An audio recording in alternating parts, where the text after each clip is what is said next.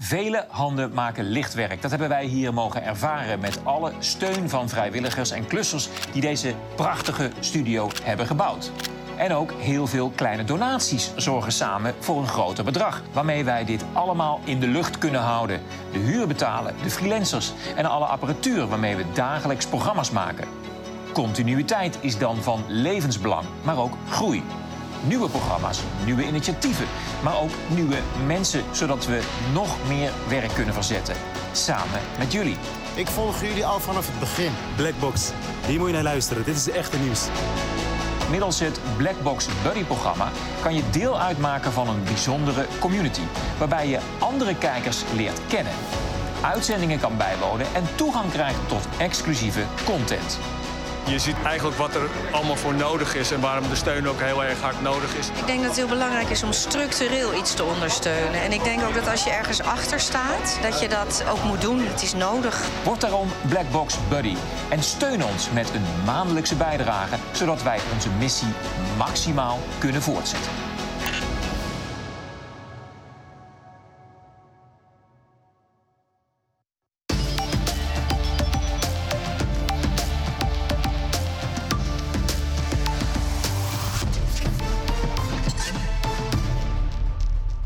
Nu de buitengewone Europese Raad in Brussel achter ons ligt, is het de vraag wat de grootste conclusies zijn na deze zogeheten EU-top.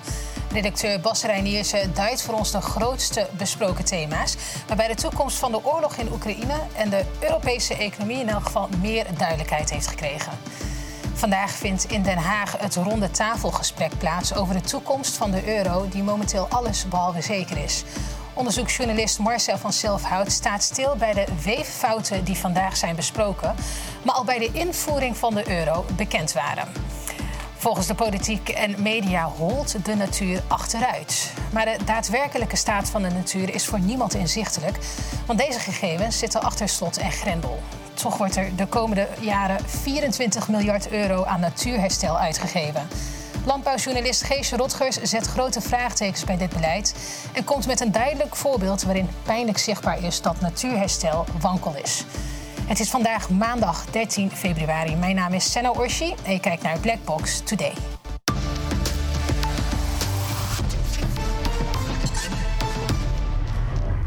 Hele goede avond. Heel fijn dat je weer kijkt. En ook een goede avond voor mijn gasten. Warm welkom. Fijn dat jullie er zijn. We trappen af met het nieuws van de dag. Wat is jouw item? Ja, ik zou graag de uitzending willen beginnen met uh, iets wat mijn uh, lachspieren omhoog uh, deed gaan. De UFO's, zogenaamd. En er staan ook twee topjournalisten naast mij, dus daar kunnen we het even met z'n drie over hebben.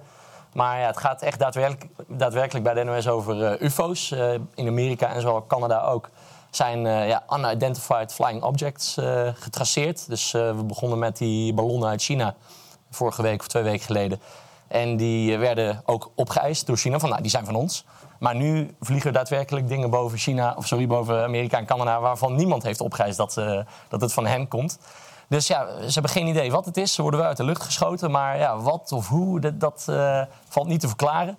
Uh, als Daan de Wit hier had gestaan, had hij gezegd... het is een saai op om ons af, om ons af te leiden. Maar uh, kijk ook even naar links. Ja, uh... eens. Marcel, wat denk jij? Agree. Fully agree. You agree? Ja, ja absoluut. Ja? Ja, ja dit is... Het, het, valt toch op. Elke keer als er iets heel belangrijks gebeurt... gaan we zo meteen ook zeggen in mijn nieuws van de dag. Het is ja, het opblazen van die pijpleidingen... door Simon Heus goed beschreven. Ja, dus dan is het een afleiding. en allerlei andere zaken. Het, dit, is, dit is een duidelijke afleidingsmanoeuvre. Ja. Vaker in de geschiedenis hebben we gezien. Ja, en ook in de traditionele media. Dus ik denk dat we nog wel meer van gaan horen komende week. En ik ben erg benieuwd uh, wat het is. Dankjewel, Bas. Ik ook. Ja. En dan komen we bij jou, Geesje. Wat is jouw item vandaag? Ja, mijn uh, item vandaag is een artikel uit het NRC. Nieuwe ambtelijke berekeningen zijn dreun voor kabinet en stikstofcrisis. Uh, afgelopen vrijdagmiddag is er weer een uh, stapeltje brieven en achtergronddocumenten naar de Kamers gestuurd vanuit het kabinet. En ik wil een paar dingen uit uh, dit artikel uh, voorlezen, want ik vond het om meerdere redenen interessant. Hier staat uh, in: er is met de huidige stikstofregels geen enkel scenario denkbaar waarin de verlening van vergunningen om bijvoorbeeld weer te mogen bouwen of boerderijen uit te breiden weer op gang kan komen. Nu niet en in de toekomst niet. Zelfs in het scenario waarbij de volledige veehouderij uit Nederland verdwijnt, of in elk geval niks meer uitstoot, blijft meer dan 90% van de kaart rood. Hier staat dus eigenlijk, uh, nu bevestigd door de ambtenaren... wij hebben stikstofnormen gesteld die überhaupt niet haalbaar zijn. Dit zijn wel dus Nederlands, door Nederland gestelde normen, Nederlands bestuurlijke keuzes. Maar ik ben uh, vind het wel verrassend dat uh, de ambtenaren nu zeggen van nou, ze zijn niet haalbaar. En vooral ook verrassend omdat onder andere wij en ook enkele anderen ruim drie jaar geleden dit al naar buiten brachten. Het is oud ja, nieuws. Jij zei al in 2013 tegen mij, gezegd. Je was bezig met, met uitgebeend. we hebben elkaar toen nog gesproken.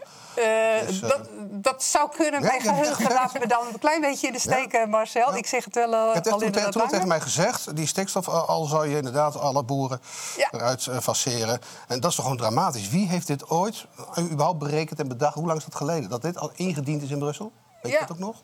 Uh, het, het, het, stikstofbeleid en dergelijke, dat, uh, het is een dossier wat ik uh, zelf al 15 jaar volg. Ja. Dus het loopt al heel lang. Er worden voortdurend dingen ingediend in Brussel. Dit, het is beleid gebouwd op een rekenmodel. Dat rekenmodel is uit de jaren 90. Dus je had eigenlijk al in de jaren 90 uit kunnen rekenen wat de effecten waren van, van het stikstofbeleid. Maar ik vind, ja, het meest wat me ook verrast is um, dat nou, toen een aantal jaren geleden dit ook naar buiten kwam, dat gewoon de grote kranten hier geen aandacht aan besteden. Ja, Telegraaf een klein stukje, maar verder zag je het gewoon helemaal nergens. Toen was het al bekend. En pas als de overheid, als de ambtenaren het zeggen, dan komt het in de krant. Dus dat vind ik. Uh, en een nou model ja, maken. Dat het in elk geval wel zover is. Ja. En zometeen meer over stikstof in jouw blokje. Ja. ja. Dankjewel. Kom op terug. Ten slotte, Marcel. Ja, ja, het is gewoon heftig nieuws eigenlijk. de Verenigde Staten, die, uh, alle Amerikanen die nog in Rusland nu verblijven, uh, echt zeggen Rusland nu onmiddellijk verlaten. Dat, dat, dat, dat zijn dingen, dat resoneert bij mij, uh, de kennis die ik van de geschiedenis heb, zal ik maar zeggen. Dat doe je als het echt heet onder de voeten wordt en je richting oorlogssituaties gaat. Um, ik, weet niet, ik vermoed dat het zoals te maken zou kunnen hebben met iets dat ook zo wonderlijk is, waar ik me ook over opwind. Uh, Seymour Hersh, ik ken hem persoonlijk. Uh, ik heb hem ook uh, wel eens gesproken. live, hij was op een conferentie van de Vereniging van Onderzoeksjournalisten in België destijds. Het is absoluut een legend in ons vak. Hè. Als onderzoeksjournalist weet je, nou, kijk je echt tegen zo iemand op met zo'n track record, 85 jaar. Hij legt minutieus bloot. Ik kan iedereen aanbevelen het artikel te lezen van hem. Is, is, is gewoon te vinden op Substack. Daar laat hij echt zien dat de Amerikanen die Nord Stream pijpleidingen opgeblazen. En dat is zo'n heftig. Jullie mogen best weten, de dag dat het gebeurde... ben ik apathisch, depressief thuis op de bank blijven zitten.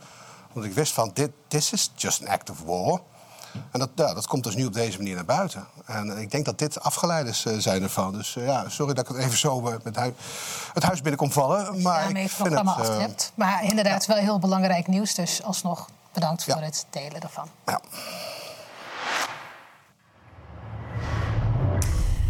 Nu de buitengewone Europese Raad in Brussel achter ons ligt, is de vraag wat de grootste conclusies zijn na deze zogeheten EU-top. Redacteur Bas Reiniersen duidt voor ons de besproken thema's, waarbij de toekomst van de oorlog in Oekraïne en de Europese economie in elk geval meer duidelijkheid hebben gekregen. Neem ons even mee. Wat, wat zijn ja. de belangrijkste onderwerpen die besproken zijn? Nou, het was uiteindelijk een eendaagse top zelfs. Het was eigenlijk als tweedaagse top uh, afgesproken. Maar ze hebben alles in één dag uh, kunnen bespreken. En het was wel een interessante, want Zelensky was er ook bij. Alle staatshoofden en regeringsleiders, dat zijn er 27 even uit mijn hoofd... die waren allemaal in Brussel. Maar Zelensky mocht dus ook komen als een soort extra gast. En Uh, die heeft een hele tour gekregen. Hij is nog bij het parlement langs geweest. Hij heeft uh, met alle staatshoofden nog kunnen praten. Uh, hier hebben ze een fotomoment nog op de achtergrond. Dus er is een, ja, een, een, heel erg groot Oekraïns randje bij deze EU-top. Terwijl ze natuurlijk nog helemaal geen lid zijn van de EU. Wel kandidaatslid, maar er moet nog heel veel gebeuren voordat dat zover is. Um, laat ik ook even daarmee doorgaan, want Zelensky kwam uiteindelijk ook bij de voorzitter van het Europees Parlement. Dat is een nieuwe, dat is Roberta Metsola, die is sinds vorig jaar voorzitter. En die had eerst een inleidende speech voordat Zelensky daar ja, een pleidooi mocht houden over het redden van Oekraïne. Uh, maar ik vond de, ja, de inleiding eigenlijk van de voorzitter vond ik erg merkwaardig. Ja, laten we even gaan kijken naar Roberta Metsola. It has been almost one year since the brutal, illegal invasion of sovereign Ukraine by Russia. In all that time, Mr. President, your leadership has inspired your people and inspired every corner of the globe. When the world thinks of Ukraine, they think of the heroes fighting the odds, of David beating Goliath. They think of the icons of Snake Island, the warriors of Mariupol. We understand that you are fighting not only for your values, but for ours, for those ideals that bind us as sisters and brothers. They make us all European. Because Ukraine is Europe and your nature, nation's future is in the European Union. Ja, Oekraïne is Europa. Ja, ja, er werd heel veel gezegd. Ja, ik, ik vond vooral de, de, het eerste wat ze zei over een David en Goliath-achtig verhaal. En uh, toen nam ze nog uh, drie van dat soort metaforen mee. Van nou ja, het gaat echt niet meer alleen maar over Oekraïne natuurlijk. Hè. Ze worden ontzettend gesteund door de NAVO, door alle EU-landen ondertussen. En de EU dus zelf, want ze willen hem uh, naar binnen halen. Dus ja, volgens mij werd David met Goliath niet zo gesteund door de grootste machten van de wereld. En daarna wordt eigenlijk ook als soort van vastgesteld van... jij hoort samen met Oekraïne in de Europese Unie thuis. Terwijl uh, de Europese Raad daarna, maar dat lees je dan niet uh, zo snel terug, maar het staat wel in de notulen, die zijn daar iets genuanceerder over.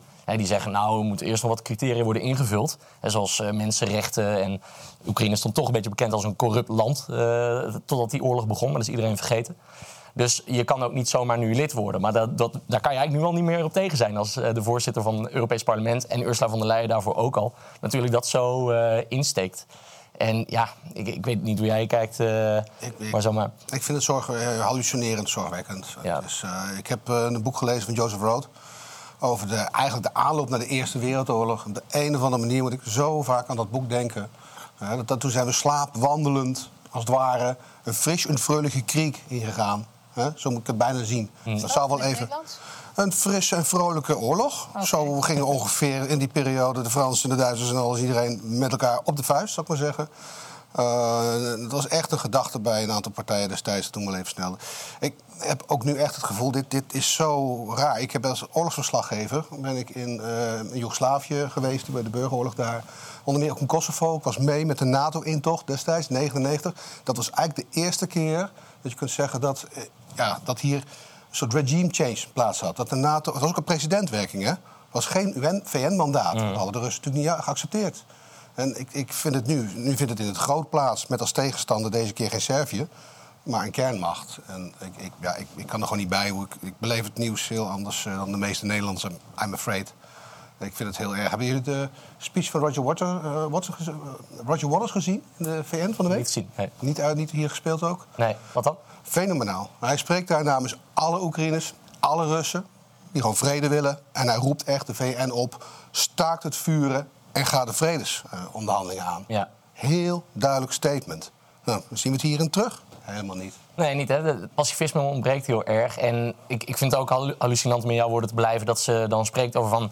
Uh, u met Oekraïne verdedigt onze Europese waarden, want u hoort bij Europa. Maar het is ook natuurlijk een geopolitiek spel. Oekraïne heeft heel veel waarde voor Europa als het gaat om zeldzame grondstoffen, heel veel graan. De, de Krim ligt daar ook. Dus een hele strategische plek, ook voor de EU. Ja, die wil je niet geannexeerd hebben door een, door een land buiten de EU... die ook nog eens met de BRICS-landen bezig is, et cetera. Dus dat lijken ze even buiten beschouwing te laten. Hè. Het is heel eerbiedig van, oh, jullie zijn zo goed bezig, dus wij steunen jullie. Maar ze hebben wel degelijk belangen erbij. Dus als het die Europese waarden zijn, zijn het ook misschien wel die strategische belangen. Maar dat zegt ze dan heel erg mooi. Het volgende waar ze het ook over uh, hebben gehad in de Europese Raad zijn alle budgetten die er naar Oekraïne zijn gegaan intussen. En hebben het over 67 miljard. Uh, ja, dat is nog steeds een godsvermogen. Als je kijkt naar de Green Deal of uh, Global Gateway, dan gaat het nog wel over iets meer. Maar dit is ongeveer een derde, gaat nu al naar die oorlog in Oekraïne toe. En het wordt ook niet minder waarschijnlijk, want ze hebben ook in de Raad besproken van wij blijven dit aanhouden. Er moet meer geld naar Oekraïne toe, totdat we Rusland hebben verslagen, als het ware. En deze 67 miljard is al uitgegeven? Die is al uitgegeven en, en daar moet dus nog meer bij komen. Want ze hebben ook al gezegd, die oorlog gaat niet zomaar stoppen. Rusland uh, kan niet zomaar verslagen worden. Die gaat, Rusland zelf gaat ook niet stoppen. Ze zijn helemaal in, de, in het idee dat Rusland nog verder gaat na Oekraïne. Dus het moet echt vanuit de NAVO en de EU komen om dit te stoppen. Dus zal zeker nog wat meer uh, tegen aangegooid worden. En ja, wapens is daar natuurlijk een heel groot onderdeel van. En dat hebben ze ook nog eens ditmaal bevestigd. Dat, uh, dat ze wapens blijven krijgen totdat die oorlog stopt. Ehm, dus ja, we, we, blijven hier nog wel denk ik een aantal uitzendingen over doorpraten. Uh, en dan blijf ik ook nog even bij de economie uh, van, van de EU. Als je kijkt naar de, ja, de afbeelding die ze hebben laten zien over de economie... dan zie je ook een beetje waar uh, de rest van de onderwerpen in de Raad naartoe gaan. Namelijk de concurrentie met China en de USA. Als in wie heeft het meeste binnenlandse bruto product. Als je inzoomt op die taartdiagram daaronder... dan zie je ook dat, dat de EU het ongeveer even goed doet als de VS maar, en China. Maar ja, Want voor de podcastluisteraar, wat zien we hier? Oh ja, dit is dus eigenlijk een, een grafiek, een, een taart, uh, een pie chart, dus een taartdiagram van hoe groot het bruto binnenlands product is. En bij de EU is dat 18% van het mondiale bruto product. Dus evenveel als China ongeveer en bijna evenveel als de Verenigde Staten. Maar ja, het is wel nog een stukje minder. En, en daar gaat ook de rest van de Europese Raad eigenlijk over. Van hoe kunnen we blijven concurreren met de rest van de wereld? Want wij als... Uh, als je nog even teruggaat naar de originele afbeelding... dan zie je ook dat het nu 30 jaar geleden is dat ze een eengemaakte markt hebben. EU heel erg trots op. Ze begonnen als een handelsunie. Nou, dat is nu 30 jaar lang zo.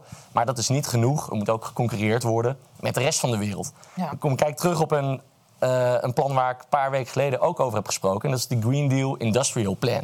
De Green Deal is natuurlijk nu de grootste, ja, uh, de, grootste kostenpost van de EU als het gaat om uh, dit soort concurrentie met handel. Het gaat namelijk over de groene transitie. Er is heel veel geld voor nodig, heel veel investeringen vanuit private bedrijven ook. Maar er is daar nu een concurrentieslag in. Want Amerika die heeft de IRA vorig jaar aangekondigd. Moet ik even goed lezen. Ja, de IRA, dus de Inflation Reduction Act. En die Inflation Reduction Act in het kort is eigenlijk een handelsact act vanuit, vanuit de VS. Die zegt wij gaan heel veel investeren om bedrijven binnen ons land te houden. En ook andere bedrijven aan te trekken die ons mee kunnen helpen in die groene transitie. Maar ja, dat is een directe concurrentie op die Green Deal natuurlijk. Dus uh, daar was Ursula von der Leyen bij het World Economic Forum vorige maand om daar wat op te verzinnen. Want ja, ze heeft een plan. Tijdens een jaarlijkse vergadering. Nou, dit is het Zeker. plan van Ursula von der Leyen. We Europeans have a plan. A Green Deal industrial plan. Our plan to make Europe the home of clean tech and industrial innovation on the road to net zero. To keep European industry attractive, there is a need to be competitive with offers and incentives that are currently available outside the European Union. This is why we will propose to temporarily adapt our state aid rules to speed up and simplify them. Easier calculations, simpler procedures, accelerated approvals. For example, simple tax break models. And with targeted aid for production facilities and strategic clean tech value chains to counter relocation risks from foreign subsidies. Ja, dit was nog maar een plan, een, concept, maar dat is intussen wel goedgekeurd, hè? Ja, dus vorige maand was het uh, WEF, heb ik toen ook over bericht. En toen heeft ze dit eigenlijk als concept gepresenteerd. Nou, dat is begin februari helemaal uitgeschreven. Daar heb ik ook een bron van onder de video gezet. En nu bij de Europese Raad hebben ze daarover vergaderd. En dat is allemaal goedgekeurd.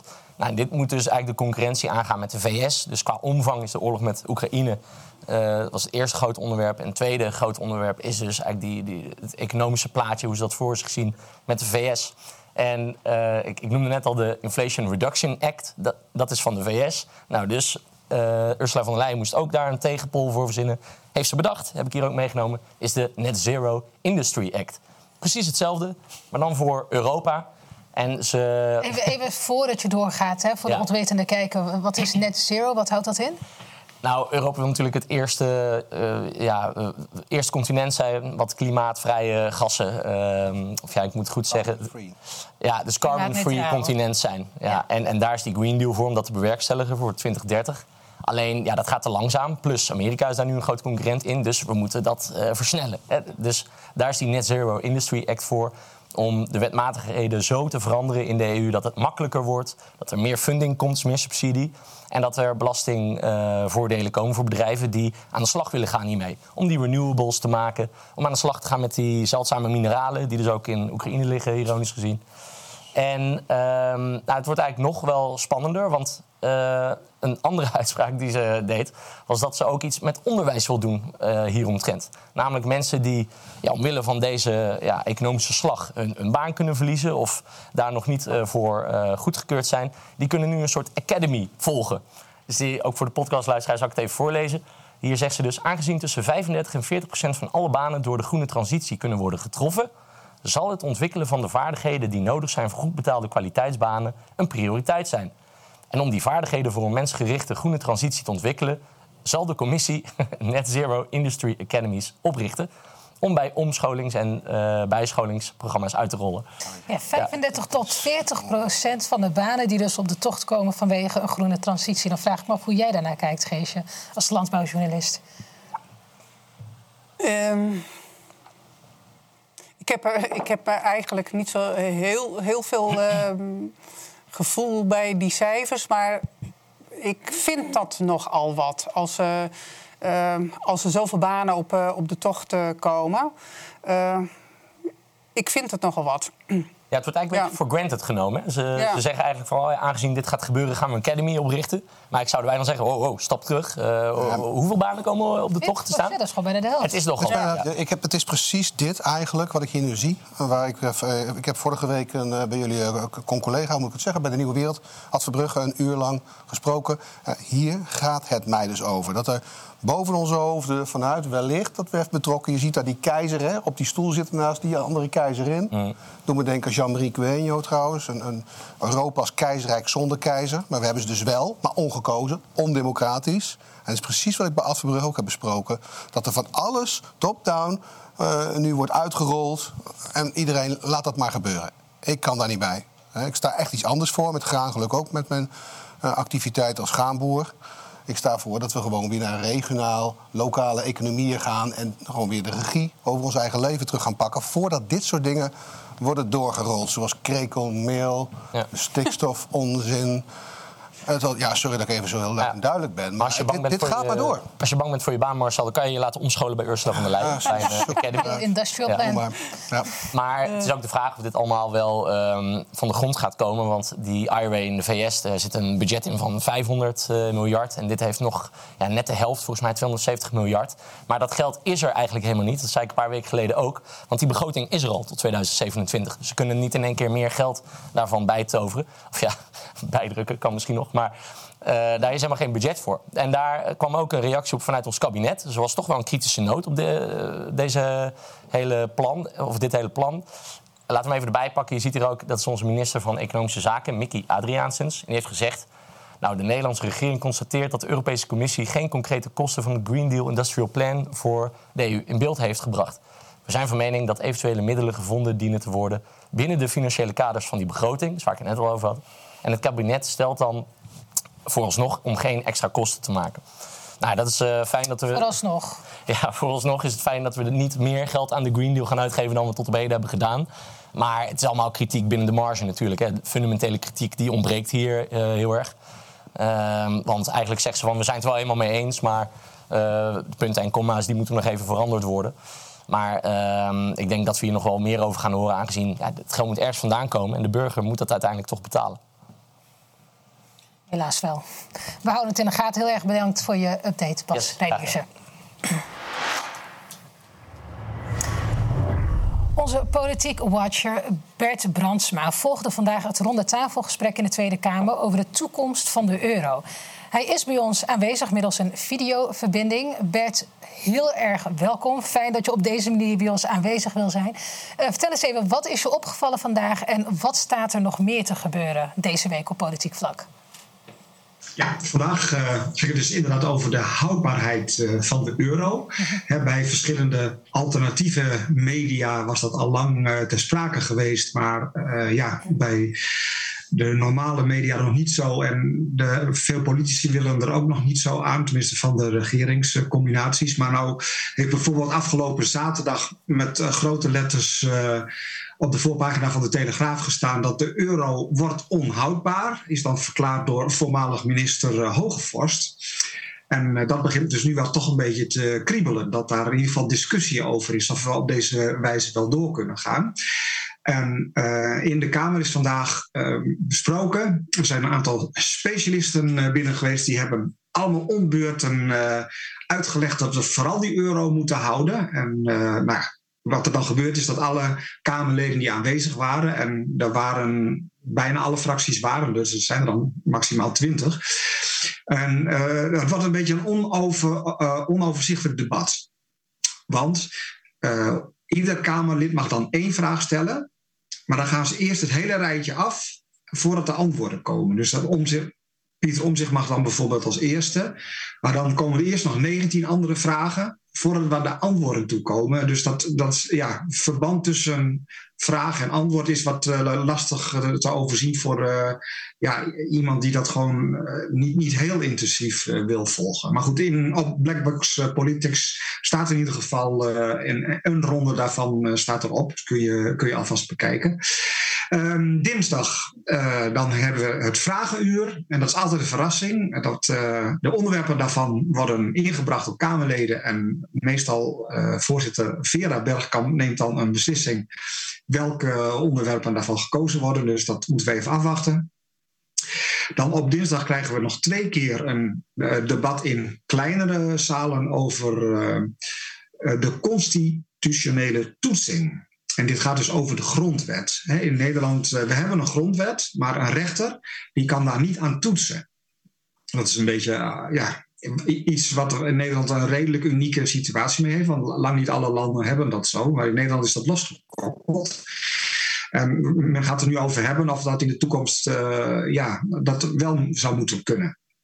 Nou, dan is er woensdag gaan we het hebben over de studenten. Dat is over de herinvoering van de basisbeurs. Dus dat is voor uh, ja, jongere mensen die nog studeren, of misschien ouders die studerende kinderen hebben, is dat een heel interessant uh, onderwerp. Uh, wat ik zelf een interessant thema vind, is een ander debat dat gaat over de inzet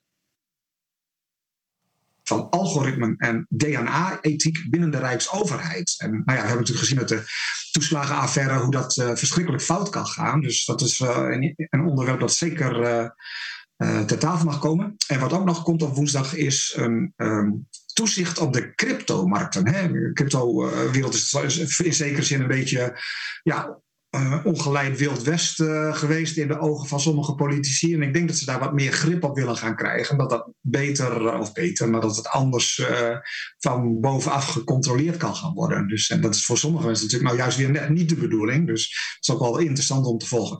En wat ik zelf, nou ja, eigenlijk ja, het, toefje van de slagroom vind deze week is dat er donderdag een eigenlijk, wat je zou zeggen, een ja, het is maar een 30 leden debat, uh, maar dat betekent dat niet de hele meerderheid van de Kamer uh, eigenlijk dat wilde. Maar mevrouw Renske Leijten van de SP heeft een interpellatiedebat aangevraagd. En dat gaat erover dat de regering een Kamermeerderheid genegeerd heeft over de Europese digitale identiteit. En dan vind ik dat niet alleen interessant vanwege dit onderwerp, maar het is de laatste tijd namelijk veel vaker gebeurd. Ook uh, bijvoorbeeld uh, Nicky Paul Verwij van JA21 heeft een fantastisch uh, voorstel op een gegeven moment gedaan over die coronatoestanden, over serologische tests, een bloedtest die veel betrouwbaarder is dan die PCR-test. En zij zegt van ja, het is volledig logisch dat iemand die zo'n serologische test positief is bevonden, dat die dan een, een pas kan krijgen. En dat de hele Kamer zegt ja, logisch. Uh, echt 150 Kamerleden zijn van mevrouw uh, heeft gelijk. En dat, ga, dat vinden we dat dat moet gebeuren. En toen heeft toch Hugo de Jonge dat ook gewoon weer genegeerd. Gewoon ook niet gedaan. En dat zie ik uh, eigenlijk te vaak gewoon. Dat de regering die we nu hebben, dat die ja, eigenlijk de Tweede Kamer, ja, als het hun uitkomt, dan gaan ze er wel in mee. Maar eigenlijk wordt het veel te vaak gepasseerd. Dus ik vind dat wel een interessant debat, in ieder geval om donderdag om te volgen. Zeker, het zijn hele interessante onderwerpen allemaal. Bert, heel fijn dat jij dat voor ons ook in de gaten wil houden als politiek watcher. Dankjewel voor je bijdrage. En volgens mij, je, je viel heel eventjes weg. Maar ik heb oh. niet de indruk dat, dat we ook echt woorden of informatie hebben gemist. En volgens mij krijg jij morgen een glas, glasvezelconnectie aangelegd thuis. Dus dan hebben we een betere verbinding de volgende keer. Ja, prima, dat weet je heel goed. Dankjewel Bert, fijne dag. Ja, jij ook. Ja, succes. Dankjewel. En het was even een, een, korte update van Bert Brandsma uh, over de ronde tafelgesprek uh, vandaag over de toekomst van de euro. Ja, die dus niet helemaal zeker is, of allesbehalve zeker is.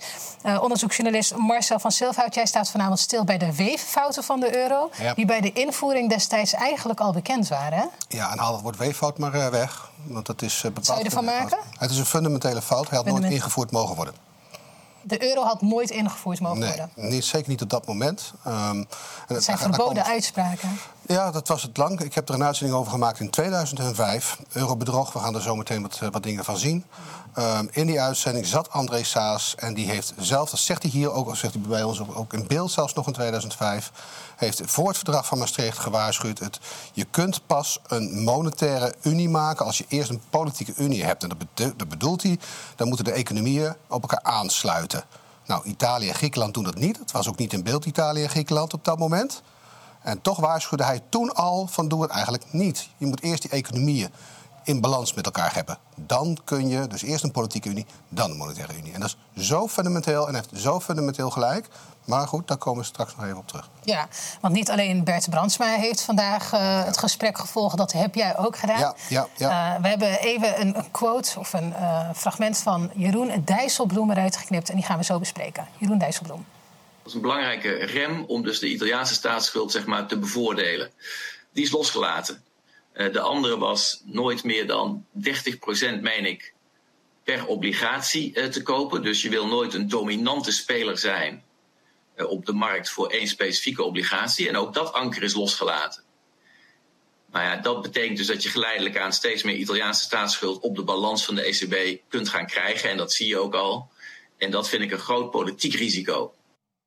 Ja, hij heeft, het hier, heeft het over twee ankers die worden losgelaten. Ja, dit is ongelooflijk. Er is destijds, en dat noemden ze, uh, minister Zalm, Nederland was heel streng.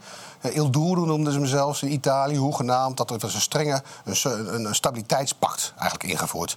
Oftewel, de staatsschulden mogen niet tot zo een bepaald bedrag oplopen, met een percentage berekend. Um, en ja, dat is, en dat hoor je dus ook vandaag, dat is gewoon met voeten getreden. We zitten inmiddels eigenlijk met een Latijnse munt. En dat is precies waar we destijds zo bang voor waren. We hadden een harde gulden, een harde Duitse mark. Die Noord-Europese economieën draaiden goed.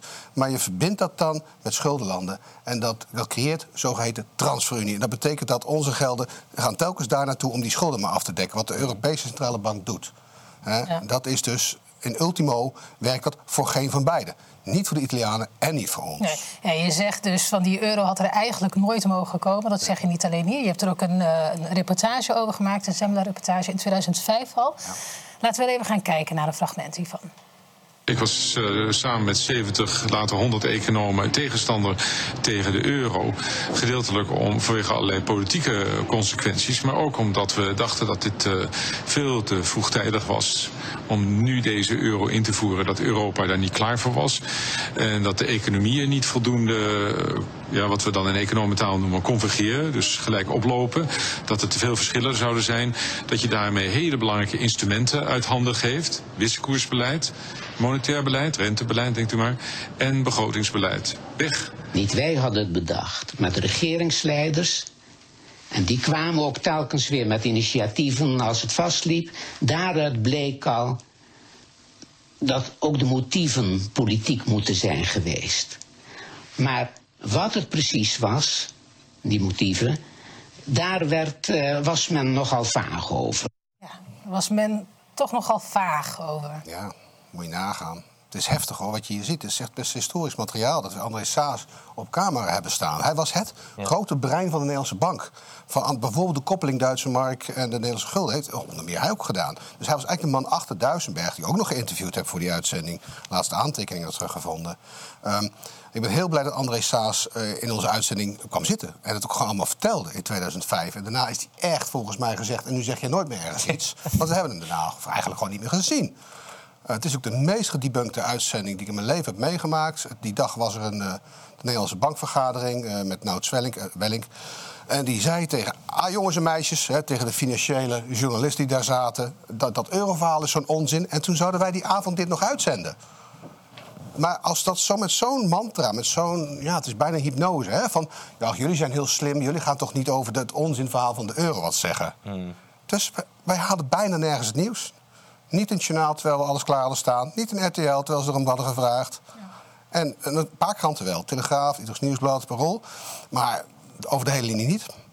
Ja, we hebben net twee fragmenten gezien met heren die dus eigenlijk nogal kritisch waren op de Ja. euro. Uh, maar je hebt in jouw uh, Zembla-reportage ook iemand gesproken die dat niet was. Hmm. Voormalig minister van Financiën, Gerrit Sam. Laten we even gaan kijken naar een fragment.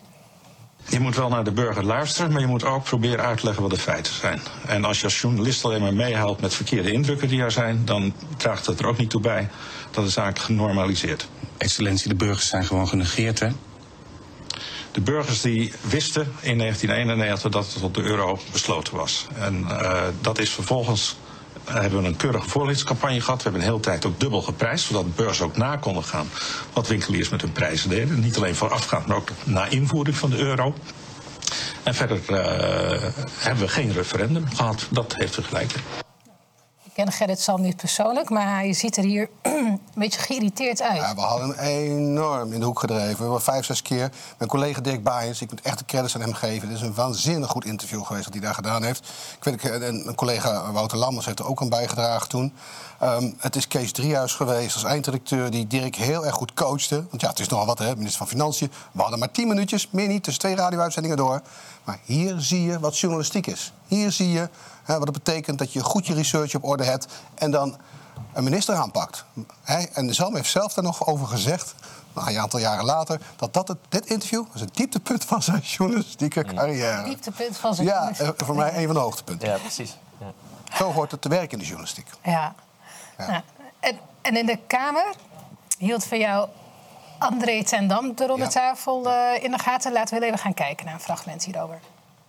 Hebben het over duizenden, duizenden miljarden euro's. Uh, uh, maar ook op sociaal vlak, uh, ook op politiek vlak. Hè? Want op het ogenblik dus dat er weer een noodfonds komt of eurobonds, de coronabonds, dat zijn eurobonds. Uh, dan gaat Nederland voor de bühne altijd eerst een beetje tegenwerken. Nou, dan gaan ze weer ruzie met de Zuid-Europese landen maken. Dus ja, dat, dat doet die onderlinge verhoudingen ook geen uh, goed. En de enige reden dat dat gebeurt is omdat ze een euro in stand houden waarvan de structuur fundamenteel verkeerd is. We zagen hier André ten Dam en hij heeft vandaag dus ook het ronde tafelgesprek gevolgd. Ja, ja, ja ik ben hem zeer dankbaar. Ik, uh, ik, ik, het is een, een zeer wonderlijk uh, iemand. Die heeft destijds het wisselverlies in kaart gebracht. Dat we eigenlijk onder de... Hè, de Nederlandse gulden ging onder de, zijn eigen waarde. 20% waarschijnlijk, 13% zeker. Onder zijn waarde het mandje in. Dat is een welvaartsverlies die we daar geleden hebben. Die we tot op de dag vandaag eigenlijk gewoon voelen. Uh, maar goed, hij heeft zich tot monetair specialist ontwikkeld... die zelfs door de grootheden in de monetaire wereld... Uh, Hans Werner Sinn, een Duitse monetair econoom... neemt hem ook serieus. Hij heeft zelfs een oplossing bedacht, Matteo Solution... Die wordt door echt de grote eurokennis in de gaten gehouden van... wauw, dat is misschien wel de enige uitweg. Maar die is eigenlijk nog steeds niet ingevoerd. Maar ik ben heel blij met André. We, we kennen elkaar al jaren. Want, ja, we zijn allebei wakker, ik maar zeggen, op dit, dit verhaal. Dat die euro gewoon niet deugt. En dus hij heeft geluisterd vanmiddag. En het doet mij ook wel... Het is wat het enge is... en dat vind ik ook heel eng met corona, zal ik maar zeggen... hoe kunnen we zo lang in een leugen leven? Dat is mij, daar heb ik persoonlijk echt last van gehad.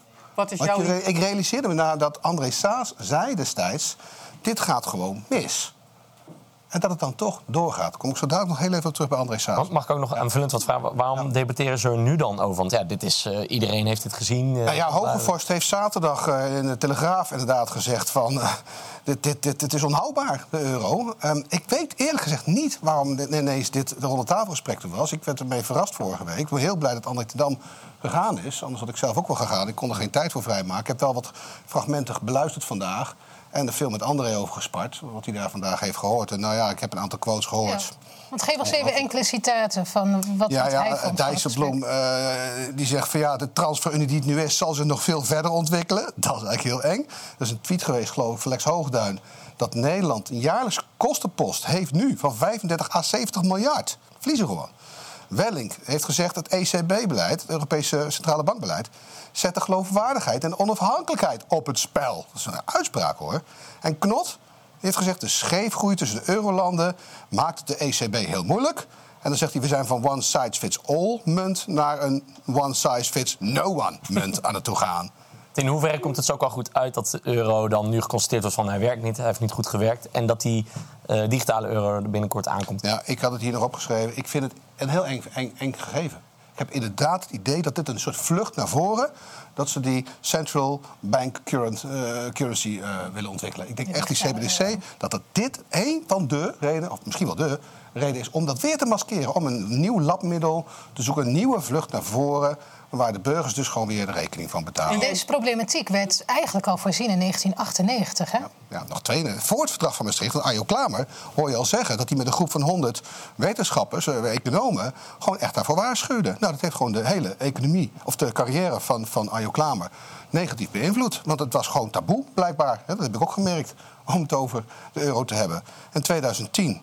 Dan knalt hij pas uit elkaar. En dat zie je André ten Dam eh, ook, ook gewoon zeggen.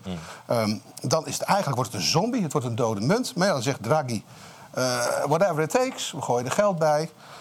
Ja, het is... Is die er over tien jaar nog? Nee, je? nou ja, je vraagt me inderdaad, André Saas... hebben we het laatste interview van hem eh, al aan de kijkers? Hebben we die laten zien? Volgens mij heb je het... nee, hebben we het nog niet over gehad. dat is echt... Die kunnen we nog wel even laten zien. Ja. De kop luidt... Oud-bankier André Saas over de Europese Monetaire Unie. We bouwen op drijfzand. Ja. Ja, dit, dit, dit is dus gewoon. ehm, hij zegt in dat interview iets wat heel wezenlijk is voor nu, voor vandaag de dag. Want André ten Dam zei ook na afloop: het is weer dezelfde mantra die ik merk. We zijn weer bezig met doormodderen. Nou, wat heeft André Saas in 1998 gezegd? En toen wist hij volgens mij niet eens dat Italië zou... Oh ja, Italië zou het trad toe. Dat zegt hij in dat artikel. Dat vond ik ook trouwens. Hè, in 2005, toen ik die uitzending voor Zembla maakte... vond ik dit interview terug. En dacht ik, wow. Ik ben heel blij dat hij doet om bij ons op de camera dat kwam om te vertellen. Ehm, maar hij zegt, en dat spreekt me het meest aan... is ook het meest enge eigenlijk wel... want hij zegt van dat het zal traumatisch zijn als de euro mislukt. Nou, ik voorspelt hij het al, hè. En maar wat eigenlijk nog erger is is dat het, het doormodderen daar naartoe. Dat het maar uitstellen en niet. Daarvan ziet hij, en, en, dan, en dat doet mij denken aan wat is nou het woord economos, economie, volkshuishouding. Als je dat dus gewoon niet serieus neemt, omdat je de politiek om- of ego's of wat voor manier dan ook belangrijker vindt, of ene grote Europa, het grote Europese Rijk of iets dergelijks, als je dat allemaal maar belangrijker vindt dan je volkshuishouding, en daar zitten we nu met z'n allen naar te kijken, vandaar, ik, ik kondig hem aan, het, boek, of het, het addendum op mijn boek Uitgebeend. Jij kent het, hè? Ik ging al over de landbouw het. naartoe. Ja, ja. Dus het, eh, het had- ik ben ermee bezig, ik ben een eind. En ik, ben, ik was toevallig bezig met het euro, eh, met het eh, terugblik op die euro. Het, eh, het boek heet Uitgehold, van haver tot gort. En je hoort het al, het is eigenlijk het uithollen. En dat, dat heb ik van de week ook bij, bij eh, toegelicht. Waarom ik het fenomeen uithollen en uitgehold zijn, het leeg maken... Dat, dat is eigenlijk waar we met z'n allen tegenaan zitten te kijken. En dat belicht ik in memoirstijl eh, met een blik naar de toekomst... van hoe het dan wel kan. Dus daar heb ik het met Ad van Brugge over gehad bij de Nieuwe Is Wereld. dit, is dit het einde van, eh, van de euro? Dit is weer zo'n fase van waarin duidelijk is dat we aan het doormodderen zijn. En het, het, hij, ja, het, het, het gaat mis. Het gaat op een gegeven moment mis. En het is, eh, het is gewoon zaak dat, daar- dat, dat burgers daar ook eens een keer gewoon de consciousness van hebben. En niet alles maar, maar gewoon laten gebeuren. Het is, eh, ik hoop dat die Kamerleden ook eens een keer wakker worden. Maar ja, goed, dat heeft de Kamer nog met Europa te maken. Ja. Voor we afsluiten, is er nog hoop? voor die euro. Nou ja, weet je, misschien moet het ook maar gewoon gebeuren. En uh, ik ben heel erg bezig met graaggeluk om gewoon weer met lokale munten... vandaar ook die cryptos denk ik er vandaan komen. Mensen voelen natuurlijk intuïtief al aan wat er aan de hand is. Dus ja, ik, ik vind het een hele interessante ontwikkeling. Uh, dat mensen gewoon bezig zijn. Het, het Arnhems Hert heb je bij ons, in de, in de Eurijn heb je van alles. Het is... Uh, ja, ik denk dat, dat we het als burgers op een gegeven moment met deze politiek, die niet meer van ons is, het zelf moeten gaan doen. We hebben Society 4.0 die daarmee bezig is. Daar ben ik ook bij aangesloten. Het is, uh, ik doe de afdeling uh, food, zou ik maar zeggen, de granen. En uh, de rest mag, mogen jullie doen. Nou, heel fijn dat jij 15 jaar na datum ja, in elk geval nog hier een, verhaal over kan delen bij ons. Ja. Dankjewel. Marcel. Volgens de politiek en media holt de natuur achteruit. Maar de daadwerkelijke staat van natuur is voor niemand inzichtelijk, want deze gegevens zitten achter slot en grendel. Toch wordt er de komende jaren 24 miljard euro aan natuurherstel uitgegeven. Landbouwjournalist Geesje Rotgers zet grote vraagtekens bij dit beleid en komt met een duidelijk voorbeeld waarin pijnlijk zichtbaar is dat natuurherstel wankel is. Geesje, welkom. Ja, dankjewel. Ja, ik uh, studeer eigenlijk al jaren op het hele stikstofbeleid, het natuurbeleid. En het laatste jaar probeer ik met name ook uh, naar de natuur zelf te kijken. Want het gaat natuurlijk uh, over herstel van de Nederlandse natuur. En als je dan debatten volgt, dan hoor je vooral one-liners. En ik heb er een paar fragmenten uitgekozen om te laten zien. Dat is onder andere een fragment van minister Christiane van der Wal, de minister van Stikstof ah. en Natuur. Christiane van der Wal in de Kamer. We gaan even kijken naar een fragment. Wij hebben ons niet aan de afspraken gehouden. Dat is één. Twee, we hebben geen stikstof gereduceerd en we hebben ook de natuur niet hersteld. En we hebben het wel beloofd. En daarom zeg ik ook steeds, we zijn keihard tegen de muur aangelopen. En die rechterlijke uitspraak in 2019 was klip en klaar. Eerst stikstof reduceren, de natuur herstellen en dan weer vergunningruimte. En ik zeg er altijd bij, maar daarmee doen we onszelf tekort. Want die natuur holt achteruit. En wat hier onder druk staat, onze biodiversiteit, onze voedselvoorziening, productie, onze schone lucht die we inademen, het schone drinkwater, wat we zo vanzelfsprekend vinden. Het is wel duidelijk dat het anders moet. De natuur staat op omvallen. Wereldwijd worden 1 miljoen diersoorten en plantsoorten met uitsterven bedreigd. En we kunnen echt wel zeggen dat het leven zoals we dat kennen op aarde met, uh, wordt bedreigd. En ook de natuur in Nederland is in slechte staat. Die is zelfs in zo'n slechte staat dat de stikstofvervuiling die vrijkomt bij het bouwen van het huis, van een huis, dat kleine beetje stikstofvervuiling al te veel is, te veel kan zijn voor de natuur waar dat op neer kan slaan. En daarom vraag ik me eigenlijk af, uh, en dat zorgt ervoor dat we nu veel moeilijker huizen kunnen bouwen. En het lijkt erop dat deze minister niet doorheeft hoe ernstig de situatie is. Het lijkt erop dat de minister niet doorheeft hoe ernstig de situatie is. Ben je het daarmee eens? Uh, dit zijn, uh, ja, dat zijn behoort tot de standaard one-liners die je zo vanuit de Kamer hoort. De natuur staat op omvallen. Het is vijf over twaalf inmiddels al. Apocalyptisch. Uh, holt achteruit. er is nog niks aan stikstof gereduceerd. Dat horen we ook geregeld. Terwijl bedrijven echt al jaren bezig zijn om de stikstofuitstoot terug te brengen. Er wordt nu een beeld geschetst van dat nog nooit zo grote stikstofwolk boven het land heeft gedreven. Uh, inmiddels uh, is er 60, 70 procent van die stikstof is al weg. Dus die is al, uh, die is al verdwenen. Maar waar ik het met name over wil hebben, is over die natuur die achteruit zou rollen. of die op omvallen staat. ja, als journalist wil je dat gewoon controleren. En niet op basis van de blauwe ogen van de minister. Je wilt gewoon uh, de natuurgegevens hebben. En uh, nou, provincies, natuurorganisaties, uh, die, die geven aan dat ze de natuur toch behoorlijk goed inventariseren. Al jarenlang. Dus dan denk je van, nou, laat me die gegevens maar eens zien. En dan kom je met een verhaal wat ik met jullie wil delen over een natuurgebied Mantingerzand in Drenthe. Uh, misschien is dit wel het eerste natuurgebied waar het natuurherstelprogramma is begonnen. Hier is men uh, vanaf 1992 is men bezig met uh, natuurherstel, het zogenaamde plan Goudplevier. Eh, genoemd naar een vogel die daar ooit broedde, zo'n 85 jaar geleden. In 1937 is het laatste broedvogeltje is, uh, daar gezien. Dat is niet deze trouwens die we nu in beeld hebben, maar dit is uh, een vergelijkbare vogel. Ik dacht al. Ja. In ieder geval, er was een heel plan opgetuigd om die hele natuur te herstellen. Boeren uitkopen, dus er zijn behoorlijk wat boeren ook uitgekocht. Er is gewoon boerengrond, daar is weer natuur op ontwikkeld. er is inmiddels, het gebied is vijf keer zo groot geworden als dat het ooit was. En uh, met, ja, er is behoorlijk wat geld is erin gestopt. En uh, na 25 jaar natuurontwikkeling was er een excursie in dat gebied.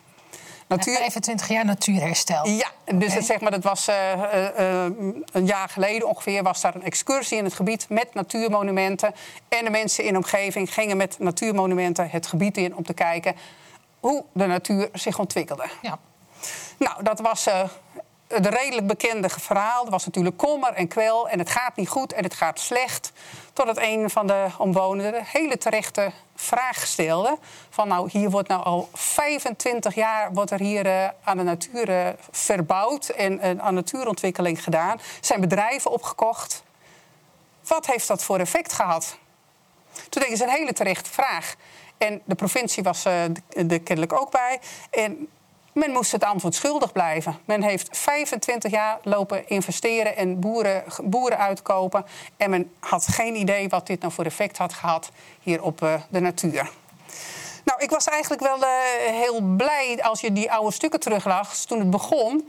Dat uh, Natuurmonument had gezegd. En we gaan heel precies bijhouden hoe de natuur zich ontwikkelt. Welke soorten komen, welke soorten verdwijnen. Gaan we heel mooi bijhouden. Ik denk, nou, dat is mooi. Want dan kan je aan de hand van die natuurontwikkeling kun je gewoon kijken hoe het met die natuur gaat. Ja, dat klinkt gunstig. Ja, een deel van die onderzoeken waren ook door uh, de overheid betaald. Dus ik denk. Of alles? Niet alles, een deel. Uh, zeker van de laatste jaren. Dat, uh, mm. ja, dus ik denk, ik wil uh, die gegevens hebben. Nou, zowel de overheid als de natuurorganisatie verwees mij naar een natuurdatabank. En dan klopte ik aan voor die informatie. En die deur die zat dicht. Hartstikke op slot. Het was niet mogelijk om alle natuurgegevens van het natuurgebied te krijgen. Zo niet? Um, ze vroegen er geld voor. Oké, okay, dus het ligt daar wel opgeslagen, maar je moet ervoor ja, betalen. Om je moet ervoor betalen. En um, dat gaat per vierkante kilometer, waar je, uh, dat is 300 euro van per vierkante kilometer uh, natuur. Nou, ik wilde van 15 vierkante kilometer hebben. Dus daar komt één zo'n natuurgebied op 4.500 euro. Nou, dat vond ik een beetje, een beetje te gortig, want ik wilde ook nog van allerlei andere natuurgebieden de gegevens hebben. Dus ik heb even uitgerekend. Uh, als ik van alle natuurgebieden in Nederland de gegevens zou willen hebben, zit ik zo aan 3 miljoen euro. Nou heb ik niet gevraagd of er korting gegeven kan worden, maar ik dacht gelijk al van, van laat maar zitten. Een soort van kadaster uitgevonden op natuurdata. Kennelijk. Maar even, maar dit is toch een publiek domein? Want voor, ja. je zegt een deel publiek geld. Nu willen ze, als ze toch willen aantonen van nou, het helpt om de boeren uit te kopen, kijk maar, dan zou je zeggen, open met die luiken. De wet ook bij bestuur? Ik neem aan dat je die hier van toepassing kunt verklaren. Uh, dat meende ik ook. Ik denk dat gaat de wet openbaar het bestuur. Maar het zijn private databanken waar de wet openbaar het bestuur niet geldt. In ons ja. publieke veld van natuur. Dat is gewoon, dat is van ons allemaal. Ja, daar ben ik uh, ook met je eens. Maar Zo wordt jouw, jouw werk ook als journalist ook heel lastig gemaakt. Onmogelijk. Dat wordt uh, onmogelijk gemaakt. Nou was er wel voor journalisten een uitzondering. Want journalisten die konden een klein beetje data konden ze gratis krijgen. Er moest wel voor getekend worden dat je het niet deelde. Klein beetje data? Uh, je moest kiezen van welke soorten je wilde hebben. Alle soorten was te veel, dat was te veel data. Ah, jongens, dus ik wilde dan, uh, nou ja, ik heb uh, de vogels gekozen en, en de vlinders. Maar je deelt het toch al als je journalistiek bedrijft, dan moet je het toch publiceren en zo? Waarom? Ja, je mag de onderliggende data gewoon niet, niet delen. De dus datasets, zeg Je moet van tevoren tekenen, anders krijg je gewoon als journalist zeggen van nou, ik wil alleen maar die dingen kunnen delen. En dan krijg je het überhaupt niet. Nee, nee. Okay. Niet. Maar goed, ik had er dus wel wat. En uh, nou, bij de vogels zag ik bijvoorbeeld dat het aantal soorten behoorlijk toegenomen was. Dat was in iets van 20 jaar was dat verdubbeld. Dus eigenlijk ging het daar heel goed met het aantal soorten vogels, met de biodiversiteit. Ja. Nou, dat gaf de natuurorganisatie ook wel toe, dat er uh, heel wat soorten bij waren gekomen. En wat dan het frappante is, er is een klein lijstje en er staan een paar soorten vogels op. Dit Alleen die vogels. Exact wat ons allemaal gijzelt op dit moment. Hè? Dat de biodiversiteit niet aan het totaal wordt afgemeten, maar aan de zeldzaamheid van bepaalde soorten. En dan krijg je die doeltype ecologie. En dan hebben ze net het bosviooltje ontdekt. Oh, dan moet er een hek omheen, een enclave, daar mag geen mens meer bij. Of, of de wolf, hetzelfde mee. Dus, maar wat je dus hier eigenlijk beschrijft is van... de soort is eigenlijk toegenomen. Dus je zou kunnen zeggen, biodiversiteit neemt misschien eigenlijk wel toe. Maar toevallig is dan de korhoender eh, en, en die goudklevier... Ja, die zitten dan toevallig niet bij. En daar is dan de focus op. De focus is op een paar Ja, soorten, ja, ja. klopt. Ja, Dat is gewoon, sorry dat ik het zeg, een beetje autistisch. Hè? Se- Selectief Die, eh, in de biodiversiteit. Ja, dat ja. klopt. Dus En dat... zo zit het eigenlijk een beetje, zo zit die natuurbeschermingswet ook in elkaar. Dan kijken ze wat is kwetsbaar en oh, daar moeten we voor gaan. Dat is pampernatuur, krijgen we dan procesnatuur, beleidsnatuur. Heb ik heel erg last van. Zelfs als natuurboer heb ik daar last van. Terwijl op mijn akkers zie ik de rode wouden, veldleeuwerik, de patrijs, de kwartelkoning... allemaal op mijn graanakkers gezien. Maar Geertje, hier Ja. past toch juist vooral openheid van zaken. Is dat nooit eerder door iemand gevraagd? Ehm, ja, dat is eh, wel eerder eh, ook gevraagd door eh, een aantal politici. Er is zelfs een motie over aangenomen ehm, in de Eerste Kamer. Hier, eh, hier hebben we hem. Een van de weinige oppositiepartijen, hè, trouwens. Maar dit is, dit is uit.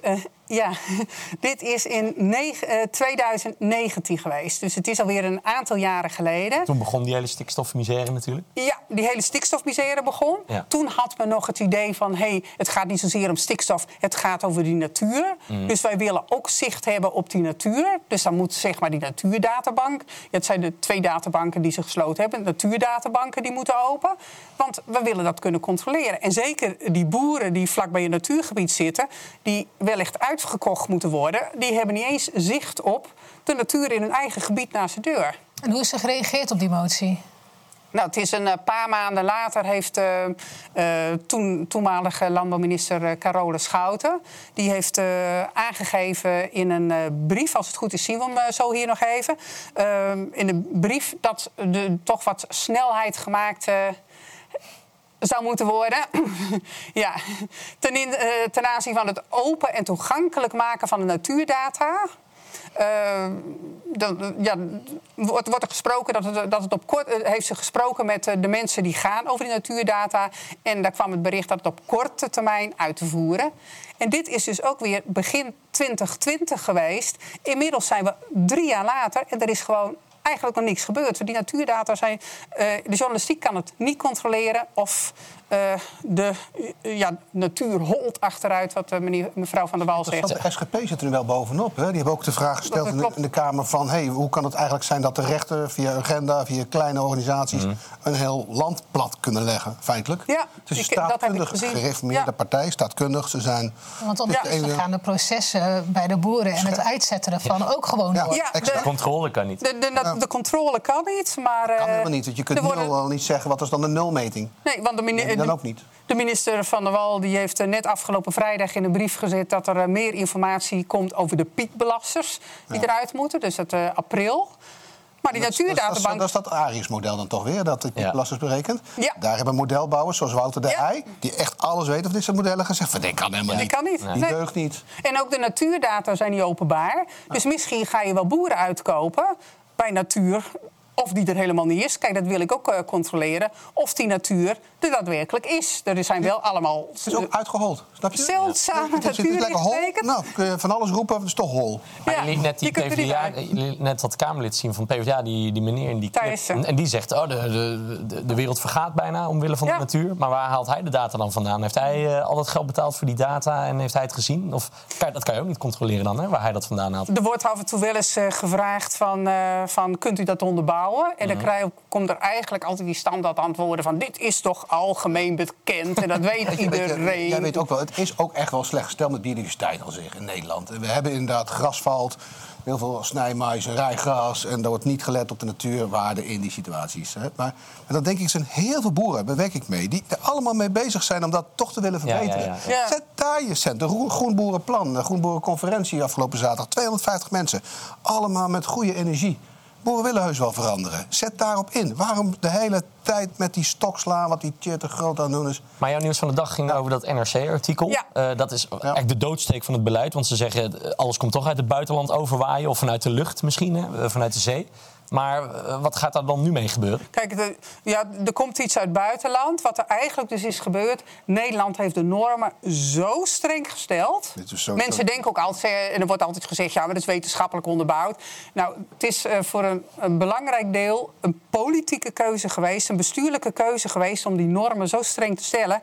En nu zegt men, ja, ze zijn niet haalbaar. Hmm. Dus we kunnen eigen- eigenlijk blijft het land op slot zitten, want ze zijn, ze zijn niet haalbaar. Ja, nee, de die rechter heeft al niet. over besloten. Die zegt, eh, er moet tegengaan worden. Geef je het laatste woord, concluderend. Eh, concluderend is, ehm, als je zoveel miljard euro besteedt aan maatregelen eh, om die natuur te verbeteren en die natuur zit in een black box, hoe kun je dan zeggen wat. wa- hoe- niemand kan meekijken. Het blijft, ja, het is, het is oncontroleerbaar. Dus Daar moet dat zou veranderen. gewoon niet moeten. Dus er, meer reden voor ons in elk geval om het in de gaten te houden. Geesje Rotgers, heel erg bedankt voor je bijdrage. Graag gedaan. Zijn we alweer aan het einde gekomen van deze uitzending. Aanstaande woensdag zijn we er weer met een nieuwe uitzending om 7 uur. En in de tussentijd kan je natuurlijk altijd terecht op onze website voor actuele nieuwsartikelen. En vind jij het ook belangrijk dat wij deze uitzendingen blijven maken? En lijkt het je ook leuk om andere donateurs te leren kennen? Word dan een Blackbox Buddy en ondersteun ons kanaal. Kijk even op blackbox.tv slash buddy, zodat je kan aanmelden. Deel deze uitzending of podcast met zoveel mogelijk mensen. Ik wil je heel erg bedanken voor het kijken. Aanstaande woensdag zien we je graag weer terug. Tot dan. Vele handen maken licht werk. Dat hebben wij hier mogen ervaren met alle steun van vrijwilligers en klussers die deze prachtige studio hebben gebouwd. En ook heel veel kleine donaties zorgen samen voor een groter bedrag. Waarmee wij dit allemaal in de lucht kunnen houden. De huur betalen, de freelancers en alle apparatuur waarmee we dagelijks programma's maken. Continuïteit is dan van levensbelang, maar ook groei. Nieuwe programma's, nieuwe initiatieven, maar ook nieuwe mensen, zodat we nog meer werk kunnen verzetten. Samen met jullie. Ik volg jullie al vanaf het begin. Blackbox, hier moet je naar luisteren. Dit is echte nieuws. Middels het Blackbox Buddy-programma kan je deel uitmaken van een bijzondere community, waarbij je andere kijkers leert kennen, uitzendingen kan bijwonen en toegang krijgt tot exclusieve content. Je ziet eigenlijk wat er allemaal voor nodig is en waarom de steun ook heel erg hard nodig is. Ik denk dat het heel belangrijk is om structureel iets te ondersteunen. En ik denk ook dat als je ergens achter staat, dat je dat ook moet doen. Het is nodig. Word daarom Blackbox Buddy en steun ons met een maandelijkse bijdrage, zodat wij onze missie maximaal kunnen voortzetten.